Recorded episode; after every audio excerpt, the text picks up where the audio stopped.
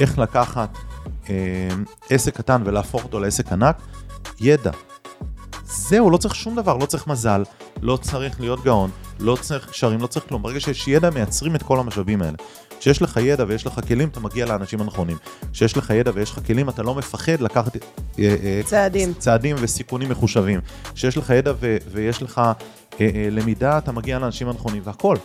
וזה הכל אפשר לרכוש את הידע הזה. רק שאנשים, ב mindset, כמו שהזכרת, של אוי, זה קשה. עכשיו אני צריך לקום ולעשות וללמוד. ו...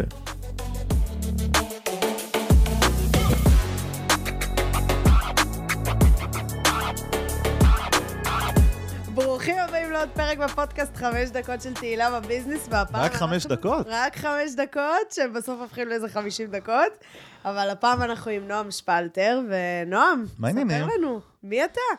אה, מי אני? וואו, זו שאלה, זה תמיד מצחיק, שואלים את אמא שלי מה, מה אני עושה, אז היא אומרת, הוא עורך דין. שזה כאילו הדבר הכי לא, לא ביום-יום. אה, כאילו, אני יועץ משפטי של החברות שלנו, אבל לא לוקח לקוחות וזה. אה, יזם, נהנה מהחיים. יזם זה בלשון המעטה, כן? כן. הוא נראה לי לא מה-1% מהאוכלוסייה, הוא מה-0.11. לא, בקטנה, בקטנה, כל אחד יכול. כל אחד יכול. באמת, כן. דבר אלינו, מה מה העסקים שיש לך? רגע, תפרוט בפנינו. וואו, אה, כמה אמרנו? הפ- סתם.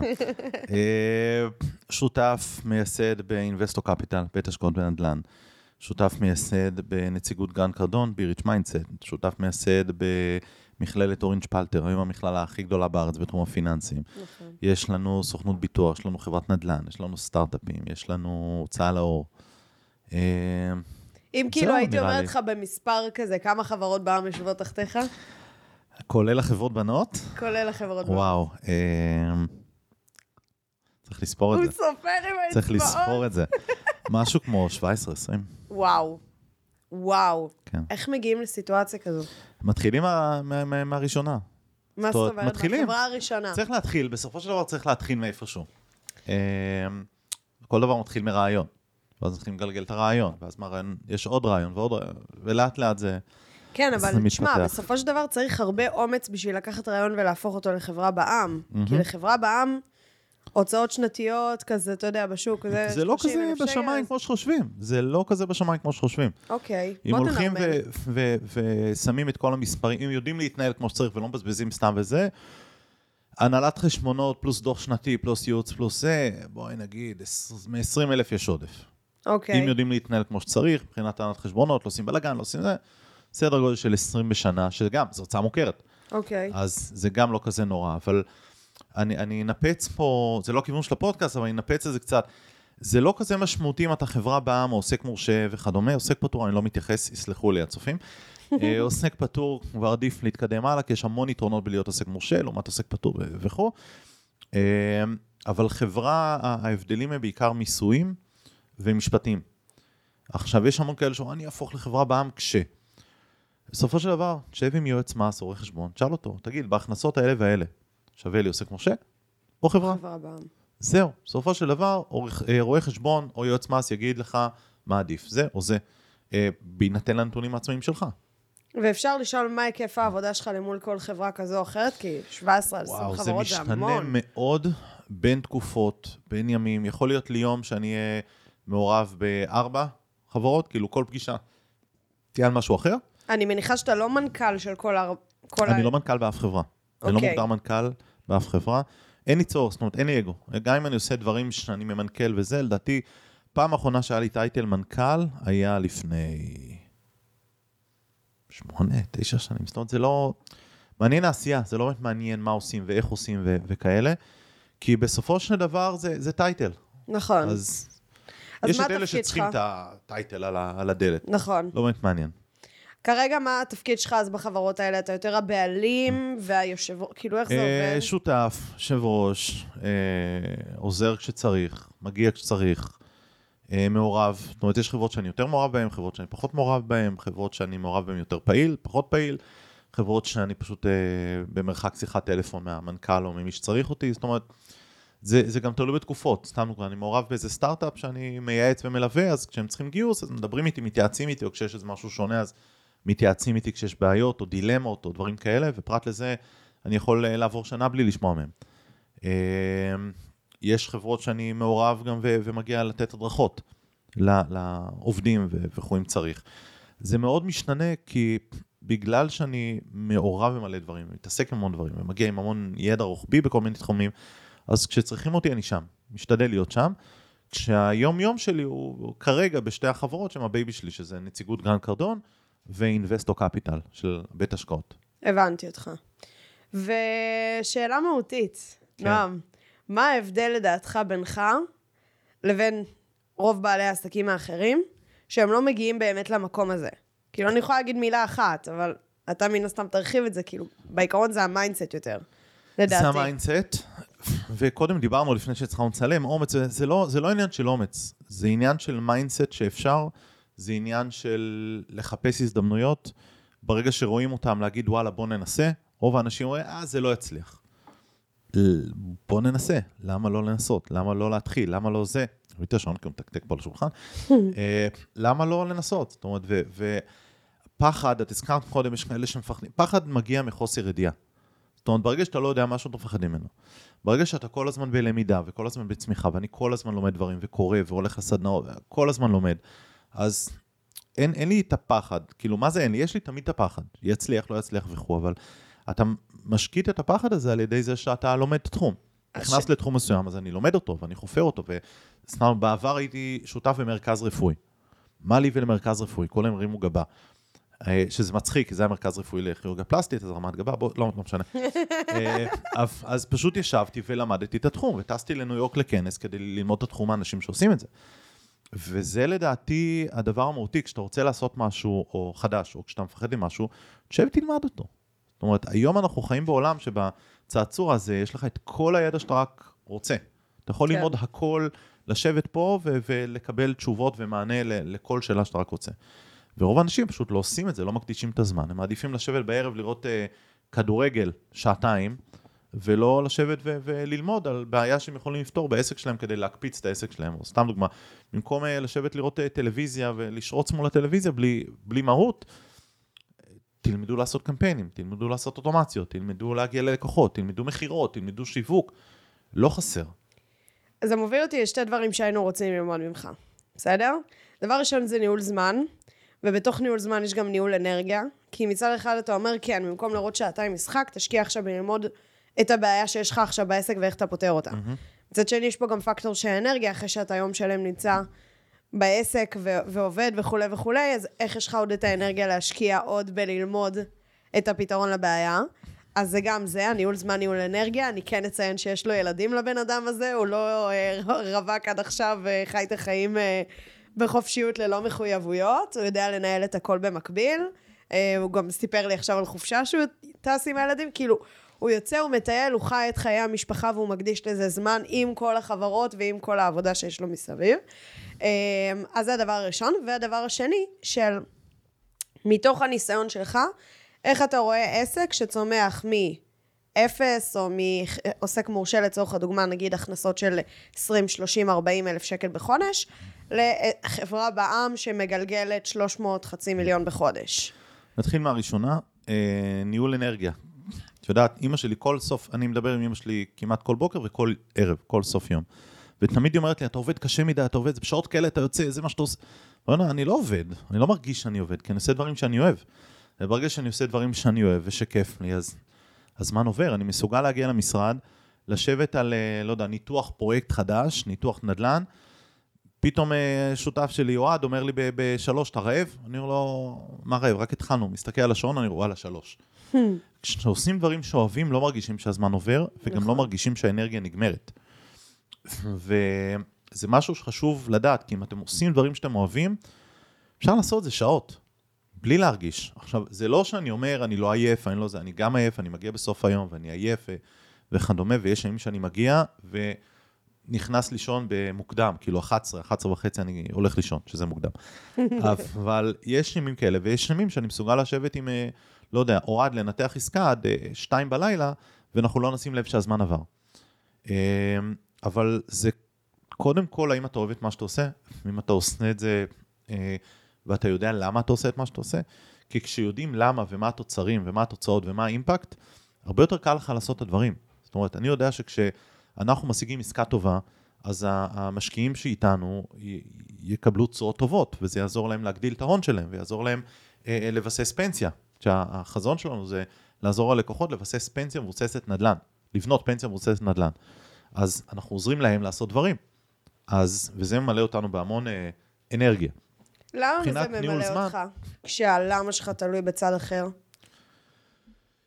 זה, זה לא קשור לזמן אחר, הנתינה. זה לא קשור לצד אחר, זה קשור לאימפקט שעושים. כי בסופו של דבר, ש- אתה צריך לשאול את עצמך מה אני רוצה להשאיר פה אחריי.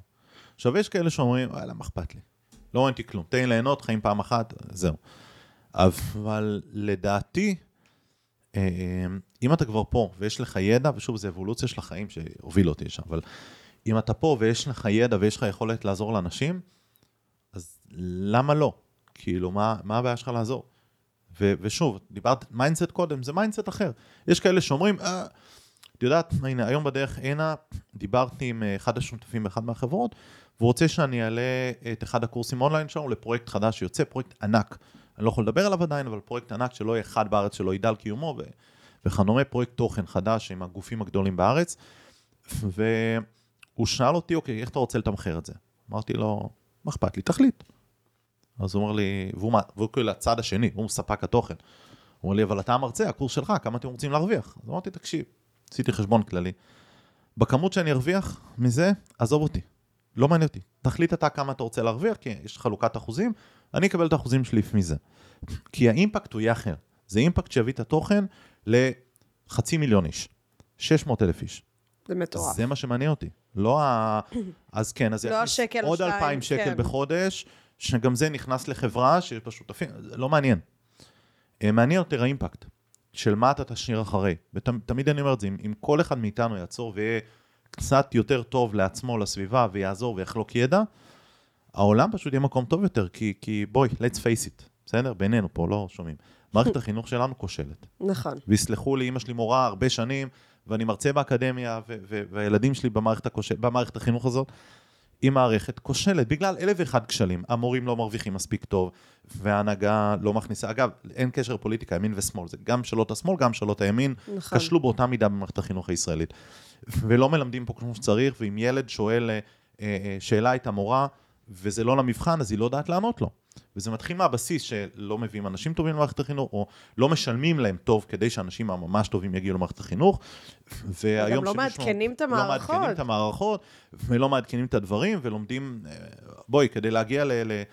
ל עזבי, בואי ניקח דוגמה, בסדר? באוניברסיטה, אני בכוונה לוקח אוניברסיטה ולא, ולא בתי ספר, אוניברסיטה שאמור להיות תקציב וכדומה, אשתי למדה אה, תואר בביוטכנולוגיה, אחת האוניברסיטאות הנחשבות בעולם בתחום הזה.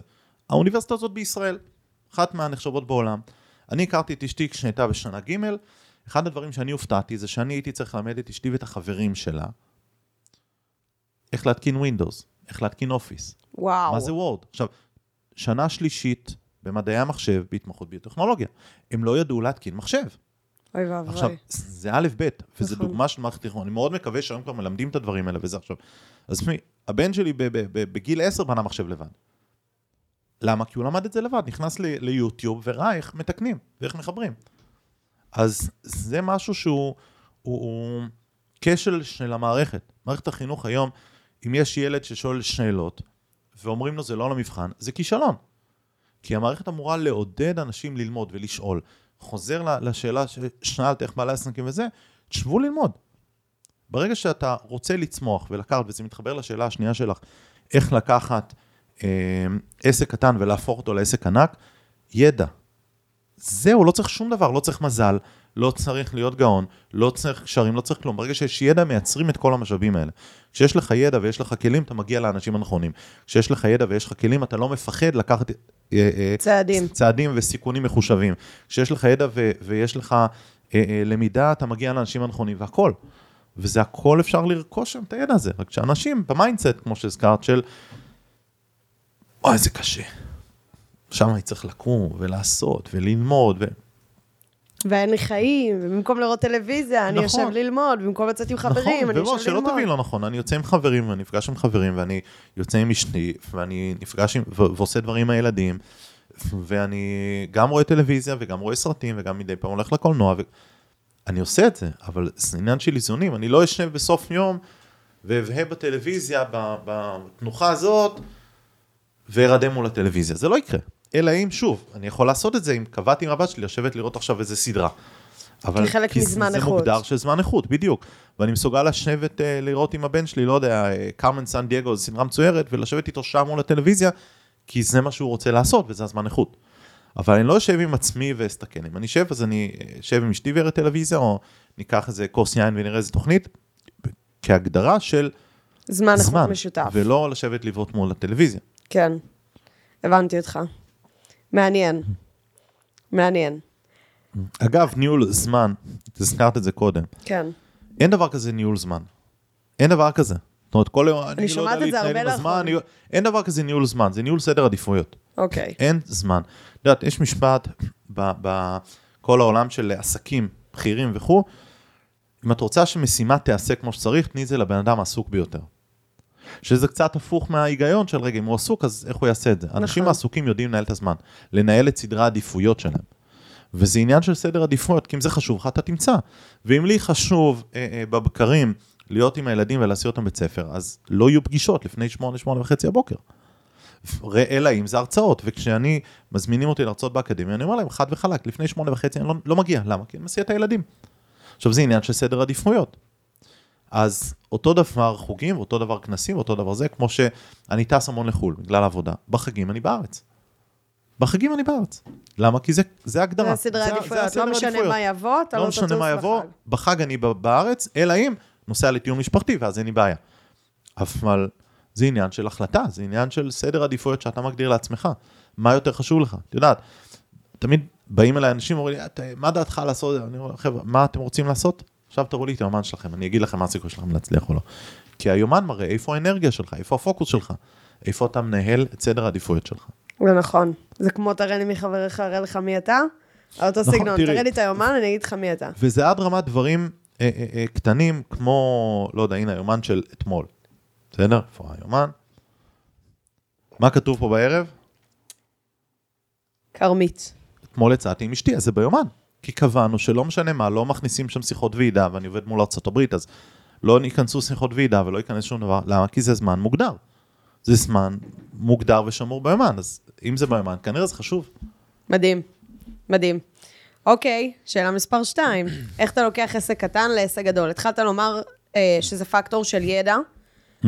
אבל זה לא נגמר רק שם, כי בן אדם יכול לשבת וללמוד כל החיים שלו, אבל לא להגיע למקום שאלה הזה. שאלה מה הוא לומד. כדי להצמיח עסק צריך שיווק, צריך מכירות, צריך צוות, צריך מערכת, צריך אסטרטגיה, צריך פיננסים, כל הדברים האלה צריכים אה, כדי לקחת עסק ו- ו- ו- ולהטיס אותו קדימה. כי בלי אסטרטגיה אתה לא מבין מה אתה רוצה, איך אתה רוצה, מה אתה צריך לעשות, מה השלבים, ובכלל לאן אתה מכוון. ובלי צוות אי אפשר לצמוח. כל ה-one man show לא יצליחו לאורך זמן. אוקיי? בצמיחה מתמידה, זאת אומרת, יכולים להגיע לפיק, אבל הם ייתקעו בפיק הזה. נכון. אם אתה רוצה לצמוח מעבר, אתה חייב מכפיל כוח. מכפיל כוח זה כוח אדם, זה צוות. ובלי שיווק אתה לא יכול להגיע ללקוחות. ואחרי השיווק אתה מייצר לקוחות, אז בלי מכירות אתה לא יכול למכור להם. לא תמכור להם, לא תגיע למצב פיננסי שיאפשר לך להזין את המערכת הזאת. לא תמכור, לא יהיה לך כסף שתוכל להחזיק את הצוות. ברגע שיש צוות, אתה צריך ללמוד מנהיגות, אתה צריך לדעת איך להנהיג אותם. כי זה שתיתן להם הוראות, הם לא יישארו לאורך זמן אם הם לא יהיו מחוברים לעשייה, הם לא יהיו מחוברים למטרות העסק, הם לא ירוויחו טוב בדרך, לא ייהנו מה שהם עושים, לא ירגישו גם שהם עושים אימפקט וכדומה.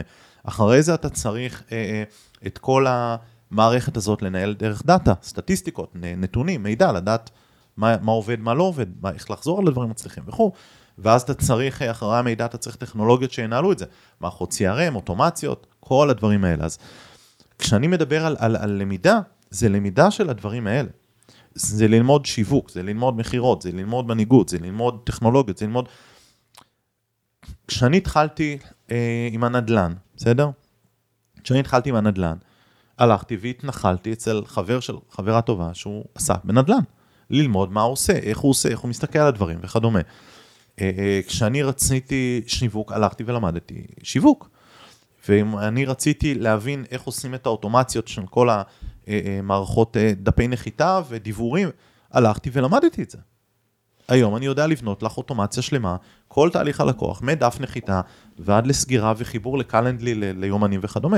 זה לא אומר שאני בהכרח אעשה את זה ביום-יום, אבל אני אדע מה לעשות, כי אז אני אדע כ- איך לנהל את הצוות. איך לנהל את הצוות ומה אני רוצה מהם. וצוות שלא מבין מה רוצים ממנו, לא ידע לעשות את הדברים כמו שצריך. נכון. אז בסופו של דבר זה, כל המעגל הזה, כל הדברים האלה, אה, תלויים אחד בשני, ומצריכים שמנהל יהיה לו ידע של כל הדברים האלה רוחבית.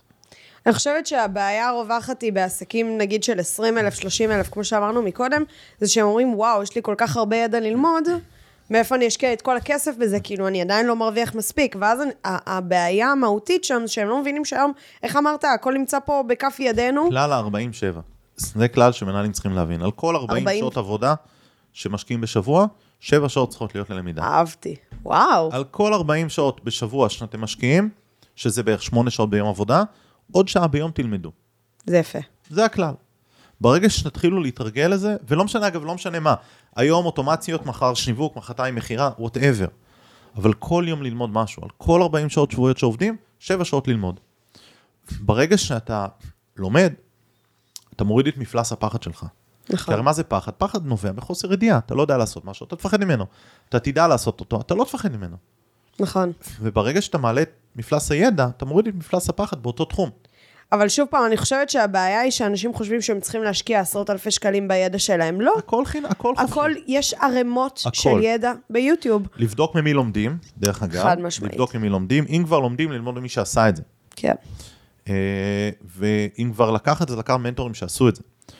את יודעת, שאלו אותי הרבה פעמים אם כדאי לקחת מאמן או מנטור כליווי. קודם כל, התשובה היא חד משמעית כן.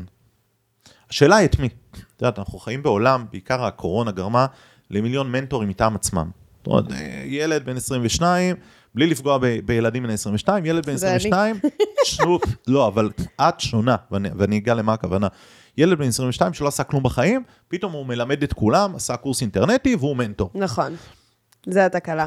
אז פה הבעיה, לבדוק מי. עכשיו, הם עושים שיווק כל כך טוב, שאנשים קונים מהם, רק הם לא יודעים שאתה קונה ממישהו שלא עשה כלום בחיים. מנטור מטעם עצמו זה, זה מישהו שהוא החליט שהוא מנטור, והעסק שלו זה להיות מנטור. הוא לא עשה דברים קודם. שהוכיחו הוא שהוא לא יכול להיות מנטור. בדיוק. עכשיו, יש הבדל בין קואוצ'ר למנטור, ורוב האנשים לא מבינים מה ההבדל ולא יודעים מה ההבדל ולא יודעים שיש הבדל. קואוצ'ר זה מישהו שלמד אימון, והוא עוזר לך להגיע לתובנות ולתוצאות לבד, על ידי שאלות, על ידי תהליך, על ידי שיח. נכון. אבל אתה מביא את התשובות, אתה מביא את העקרונות, אתה מביא את הידע שלך והוא מכוון אותך. הוא למד איך להדריך אותך, בסדר? איך לשאול את השאלות איך לשאול את הנכונות. השאלות. אין לו מושג בתחום שלך. מנטור זה מישהו שהלך בנעליים שאתה רוצה להגיע. וזה בדיוק העניין. מנטור יכול להיות רק מישהו שעשה את הדברים, שנכשל בדברים, שהצליח בדברים, שצמח בדברים, שלמד ויודע להעביר הלאה את הידע. ומי שלא ניהל לא יכול להיות מנטור בתחום הניהול. מי שלא עושה שיווק לא יכול להיות מנטור בתחום השיווק. ולא עשה שיווק יום-יומיים, הוא עשה איזה קמפיין מוצלח. עשה את זה שוב ושוב ושוב ושוב, נכשל בדרך, ועשה את זה שוב ושוב ושוב. ואת יודעת, ראיין פה את איתי, איתי נכון. לוי, באחד הקודמים. איתי, 20 שנה בשיווק. ראה הכל, עשה הכל, נפל, קם, נפל, קם, למד על בשרו מה ההבדל בין מה קורה כשפייסבוק משנים אלגוריתמים. הוא יכול ללמד אחרים. נכון. מישהו שהוא שנה בתחום, תוך כדי הקורונה בסגר למד קצת שיווק, הוא, הוא, הוא, הוא אולי יכול ללמד נקודתית היום, אבל ברגע שתהיה בעיה, הוא ייעלם. נכון. ואני רואה את זה המון גם בנדל"ן, לדוגמה. יש המון אה, יזמים כביכול מטעם עצמם, שכל מה שהם עשו, עשו בחיים, שיפצו דירה או שתיים, פתאום הם יזמים גדולים. מתי נראה את, ה, את ה, מי רציני ומי לא? עכשיו, כי בתקופה הזאת שבנקים נופלים וריביות טסות, ופתאום אה, אה, לא כל עסקת נדל"ן רווחית וטובה, עכשיו אנחנו מתחילים, ואנחנו רואים את זה כבר בשבועות האחרונים, מתחילים לראות פרויקטים של, של גופים כאלה, מתחילים ליפול. נכון. עכשיו, מי שישלם את המחיר זה המשקיעים. כי הגוף שמנהל את זה, הוא לא חווה משברים, לא נתקל באתגרים, הוא נכנסו לשוק, כל מי שבשבע שנים האחרונות נכנס לשוק הנדל"ן הרוויח. בין אם הוא ידע מה הוא עושה ובין אם הוא לא ידע מה הוא עושה. כי, כי כשיורד גשם כולם נרטבים, כמו שאומרים.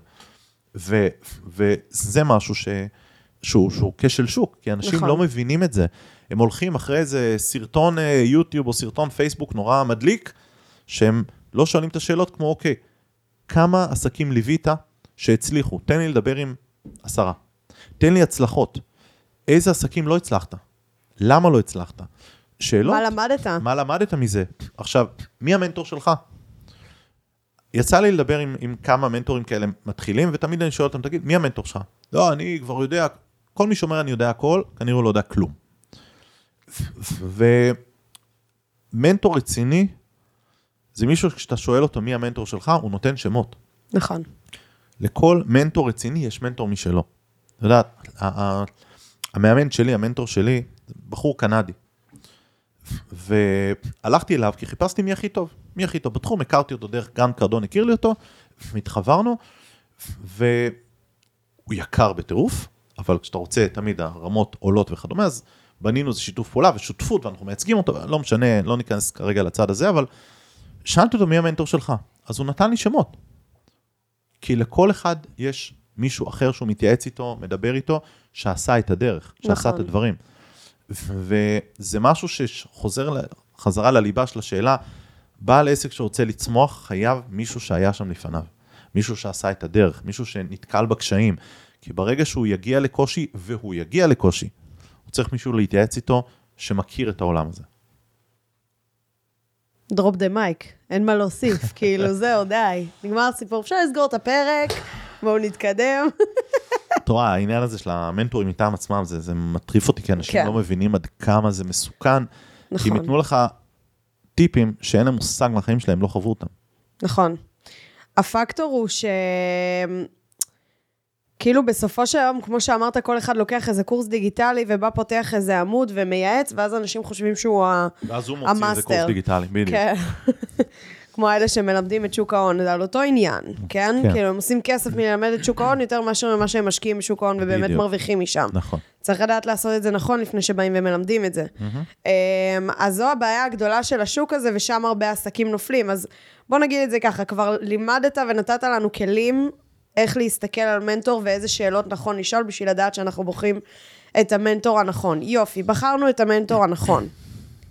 הלאה, מה נקסט? מה יהפוך את העסק שלי לנקסט לבל שלו? קודם כל צריך להבין מה העסק. מה העסק ולמה עושים את מה שעושים. אתן לך דוגמה, הבעלים של, אה, המייסד והבעלים של סטארבקס, אוקיי? שאלו אותו מה העסק שלך. אז הוא ענה, אנחנו לא בעסק של למלא קיבות, אנחנו בעסק של למלא נשמות. יפה. הוא בא ואומר, אנחנו נותנים מכלול של דברים שלאנשים בכל מקום שהם ילכו, יהיה להם סטנדרטיזציה של מה הם שותים, עזבי שהקפה פעם, לא מי יודע מה, אבל מה הם שותים, יש להם מקום לשבת, תמיד יש וי-פיי חזק, תמיד יש להם מקום שהם יכולים לשבת לעבוד, עם, אותו, עם אותה סיסמת וי-פיי, עם אותה רשת, בכל מקום בעולם. זה מה שהוא עושה. זה המהות של סטארבקס, המוצר, דרך אגב. כן. וגם בקורונה, אגב, אה, אה, לאורך כל ארצות הברית, בארצות, בזמן הקורונה טסתי המון לארצות הברית, וכל הסטארבקסים, היה להם אזורים, רק הם הפרידו את השולחנות, כדי שיהיה את המרווח. מטר האלה, אבל עדיין אנשים יכלו לשבת שם. מסכות, שהיום יודעים שהכל שטויות, אבל עם מסכות ומרווח והכל, אבל הם עדיין אפשרו את האינטרנט, הם עדיין אפשרו אנשים לשבת, שיהיה להם מקום לשבת בכל מקום. הם בעצם מכרו את החוויה יותר מאשר את הקפה. הם מוכרים חוויה, הם לא מוכרים קפה. אני חושבת שזה מה שמבדיל בין עסקים שבאמת צומחים לרמות הגבוהות שהם רוצים לצמוח אליהם, מאשר העסקים שנשארים בלמטה. כי עסקים שנשארים בלמטה, בסופו של דבר מוכרים את אותו דבר. נכון. אני מאמן כושר, אני נייליסטית, אני מאפרת, אני פה, אני שם. הפקטור הוא להבין מה החוויה שאתה מביא איתך, וזה ה game changer. זה אף פעם לא המוצר. זה תמיד המכלול. זה החוויה, זה השירות, מוצר, כולם מוכרים אותו דבר. זה החוויה, זה השירות, זה המכלול של הדברים, זה היחס, זה החיוך, זה הסיפור מסביב. ואם עסק רוצה לצמוח, הוא חייב איזשהו סיפור סביב מה שהוא עושה. הוא חייב להבין מה הערך שהוא נותן ללקוח. הוא חייב להבין למה הוא עושה את מה שהוא עושה. את יודעת, הבוקר, בדרך הנה פגשתי חבר טוב, שהיה סטודנט של לפני, לא יודע, עשר שנים, סוכן ביטוח, יש לו סוכנות מאוד גדולה, והוא שותף בפלאפליה. יש לו פלאפל בראשון, השותף שלו זה חבר ילדות שלי, ויצרנו לדבר. ואמרתי לו, נו, איך עם הפלאפל? הוא אומר, חלום. אמר לו, תקשיב, מה סוכנות ביטוח וזה, אתה עוד עם הפלאפל? זרקתי לו את זה כבדיחה, הוא אומר לי, אחי, כשאני עובר שם בצהריים, ורואה את כל הילדים אחרי בית ספר, יושבים ונהנים, זה שווה לי הכל. עשיתי את שלי. אז אז הוא לא מוכר פלאפל, הוא מוכר מקום שילדים יכולים לבוא אחרי בית ספר ולשבת לאכול. זה חשיבה אחרת לגמרי, וכל עסק אפשר לעשות את זה. איך? באינבסטו אנחנו עוזרים לאנשים לבנות פנסיה מבוססת נדל"ן. בביריץ' אנחנו עוזרים לאנשים להגיע לחופש כלכלי על ידי בניית עסקים, מקורות הכנסה נוספים וכדומה. במכללה אנחנו עוזרים לאנשים ל- ל- לקבל מקצוע ולבנות עסק משל עצמם בתחום הביטוח, השקעות וכדומה. סוכנות הביטוח, אנחנו עוזרים לסוכנים צעירים לבנות עסק משלהם עם תיק ביטוחי גדול. בסטארט-אפ, אה, סתם לא, הסטארט-אפ שאני אה, מושקע בו, שותף בו של כדורגל, אנחנו עוזרים לשחקנים להפוך לשחקנים, לשחקני הכדורגל הטובים ביותר שהם יכולים להיות. כל עסק יש לו משהו שיש מהות מאחוריו. אנחנו לא מוכרים סתם משהו. אנחנו נותנים ערך ללקוח, וברגע שעסק מבין מה הערך שהוא נותן ללקוח, ומדברר אותו, ומכניס את זה לתוך השיווק שלו, אז הוא יצמח. כי הרוב לא עושים את זה. מה השאלות שבעל עסק צריך לשאול את עצמו כדי להגיע למהות הזו, כדי למה לצאת אתה עושה את מהמשוואה? מה שאתה עושה? שאלה ראשונה, למה אתה עושה את מה שאתה עושה? תבין, למה אתה עושה? למה אתה קם בבוקר? לעסק. כי אני אוהב, אה, אני אוהב כושר ואני אוהב לאמן. מהמם. למה? למה אתה צריך ל... עם אנשים? למה אתה אוהב כושר? מה נותן לך הכושר? איזה תועלות אתה נותן ללקוחות שלך בכושר? יש מיליון מאמני כושר, יש מיליון חדרי כושר. מה אתה שונה? יפה. רוב האנשים אומרים, "אה, אני כמו כולם. לא, אתה לא. אם אתה כמו כולם, אז אתה לא, אז אתה תהיה כמו כולם. אתה תהיה כמו כולם. סתם לא, המאמן כושר שאנחנו ליווינו אותו, בחור בן 22, אה, הגיע לתהליך אצלנו, אחרי הצבא, החלום שלו היה להגיע ל-40 מתאמנים. זה היה החלום, כאילו, הוא הגיע עם חמישה. שזה החברה שלו, החברה של האחי, כאילו, החלום שלו היה להגיע ל-40. תוך שנה הוא הגיע למעל 100 מתאמנים. כי, ופתח מקום חדש ומרוויח, הגיע אלינו כשהוא עושה בחודש 1,800, אחרי שנה הוא כבר ישב על 35 פלוס. חודשי קבוע, 1,000 ומשהו שקל ליום. אחת השאלות שאלתי אותו, למה אתה עושה מה שאתה עושה? למה? מה המוצר? עכשיו, הוא לא מאמן כושר, הוא מאמן לאורך חיים בריא, שמתבצע באמצעות כושר, ספורט, תזונה נכונה, הוא הבין מה הוא עוזר לאנשים, הוא הבין מה הערך שהוא נותן. הוא לא נותן להם אה, משקולות, להרים משקולות, זה כל אחד יכול. הוא שינה את החשיבה, והרבה בעלי עסקים לא עוצרים לשאול את עצמם מה באמת המוצר שלי, מה באמת אני עוזר ללקוח. עכשיו בוא נשים את זה רגע על השולחן. מאמן כושר שאומר, אני מאמן לאורח חיים בריא, גם את זה כבר יש הרבה.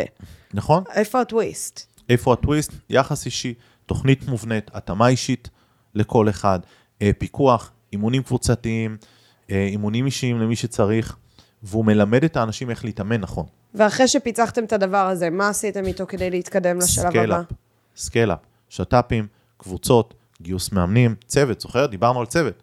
שת"פים, שיווק, קבוצות, scale-up, גיוס מאמנים, scale-up, לקח מקום משלו ולא במרתף אצל אמא שלו. זה הכל קשור להכל. הוא עבר למקום חדש בגדרה, שעה אחרי הוא כבר הכ- הכיר את כל בעלי העסקים במתחם, יש מכולת ליד, הוא סגר עם בעל המכולת שיתוף פעולה, שלקוחות של המכולת מגיעים אליו, מקבלים הטבה, בתמורה הוא עושה איתו איזה מבצע על, על אה, משקי אנרגיה. שיווק, מגניב. שיתוף פעולה. scale-up, מגיע ליותר אנשים. זאת אומרת, לצאת מהמקום של אני מאמן כושר כמו איזה בבון, אלא אני עסק. לא גד- שבא להיות בבון, אבל כן. כן. לא, בסופו של היום זה באמת, למה אני אומרת תמיד בבון? זה משהו שאני חוזרת עליו כל הזמן.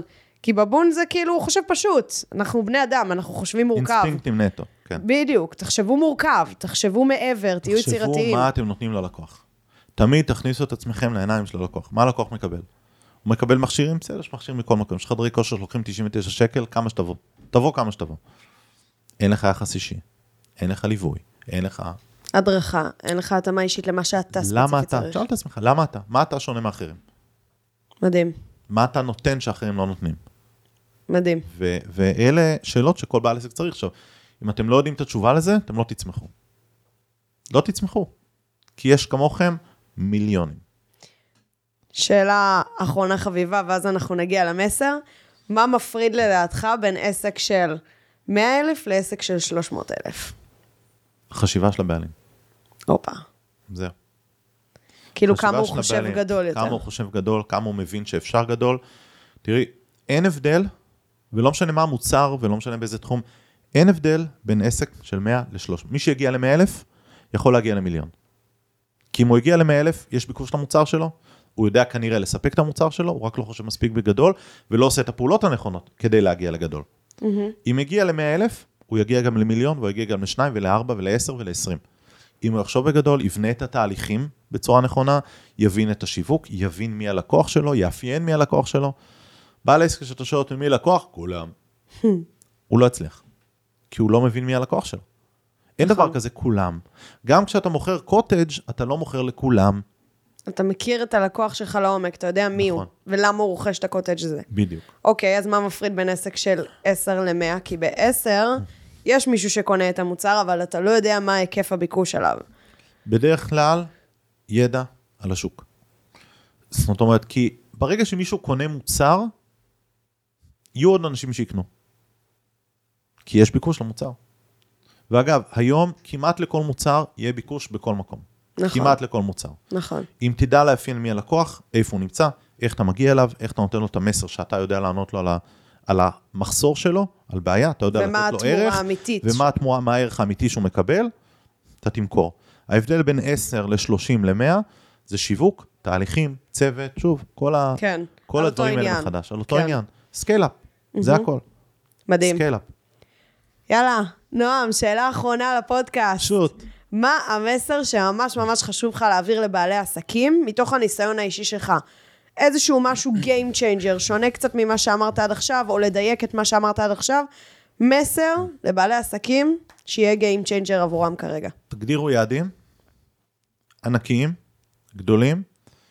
אם היעד לא כואב בבטן ומרגש ומפחיד באותה מידה, הוא לא גדול מספיק. כי ברגע שיודעים לאן רוצים להגיע, אפשר לגזור אחורה כבר הכל. כדי להגיע לשם אני צריך לעשות איזה שיווק אני צריך לעשות, כמה לקוחות אני צריך למכור, כמה צוות אני צריך לגייס, איזה אסטרטגיה, איזה מערכות, שוב, כל המעגל נתונים, כל המעגל אה, אה, כלים שהזכרתי קודם, לאורך כל הפודקאסט, אבל אם אתה לא יודע לאן אתה הולך, אין לך שום דרך להגיע לשם, לא תדע לעשות את זה. כן? ואגב, כל האנשים הגדולים והבכירים והמנטורים המובילים והמיליונרים והמיליארדרים, כולם בלי יוצא מן הכלל, עובדים על מערכת עובדים יעדים. על מערכת יעדים מאוד ברורה, שהם יודעים מה הם רוצים ומשם גוזרים אחורה.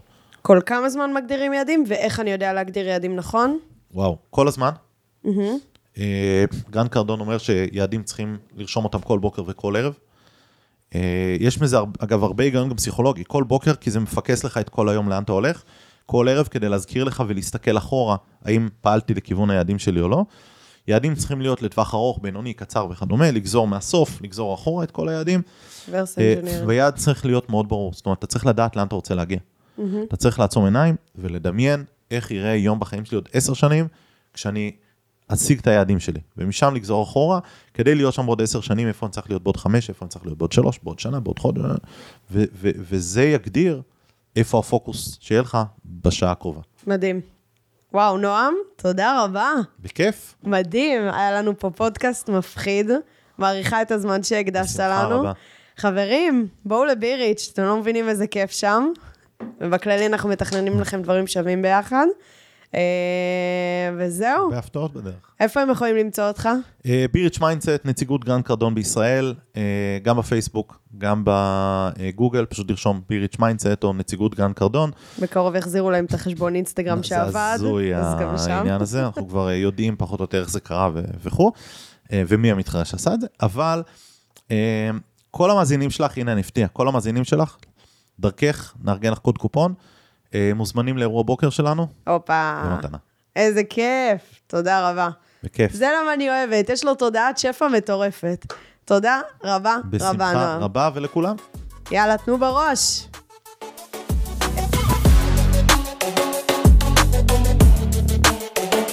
אז זהו חברים, תודה רבה שהאזנתם לפרק שלי. אם יש לכם שאלות או כל דבר, ובכללי אתם רוצים להעיף את העסק שלכם למעלה וללמוד עוד ועוד על עולם העסקים הצומח ועולם השיווק הדיגיטלי, אתם מוזמנים לעקוב אחריי באינסטגרם, קוראים לי שם דיגיטילי בתף ועם רווח, בסדר? תמצאו אותי, אל תדאגו. ממש על ההתחלה. מוזמנים לדרג את הפרק הזה חמישה כוכבים, אני יותר מאשמח, זה יעשה לי שמח בלב, ובכללי, זה יתרום לי להעיף את העסק שלכם עוד יותר למעלה ולהביא לכם לכאן אנשים חזקים שייתנו לכם עוד ערך ועוד מידע. וזהו, נתראה בפרק הבא.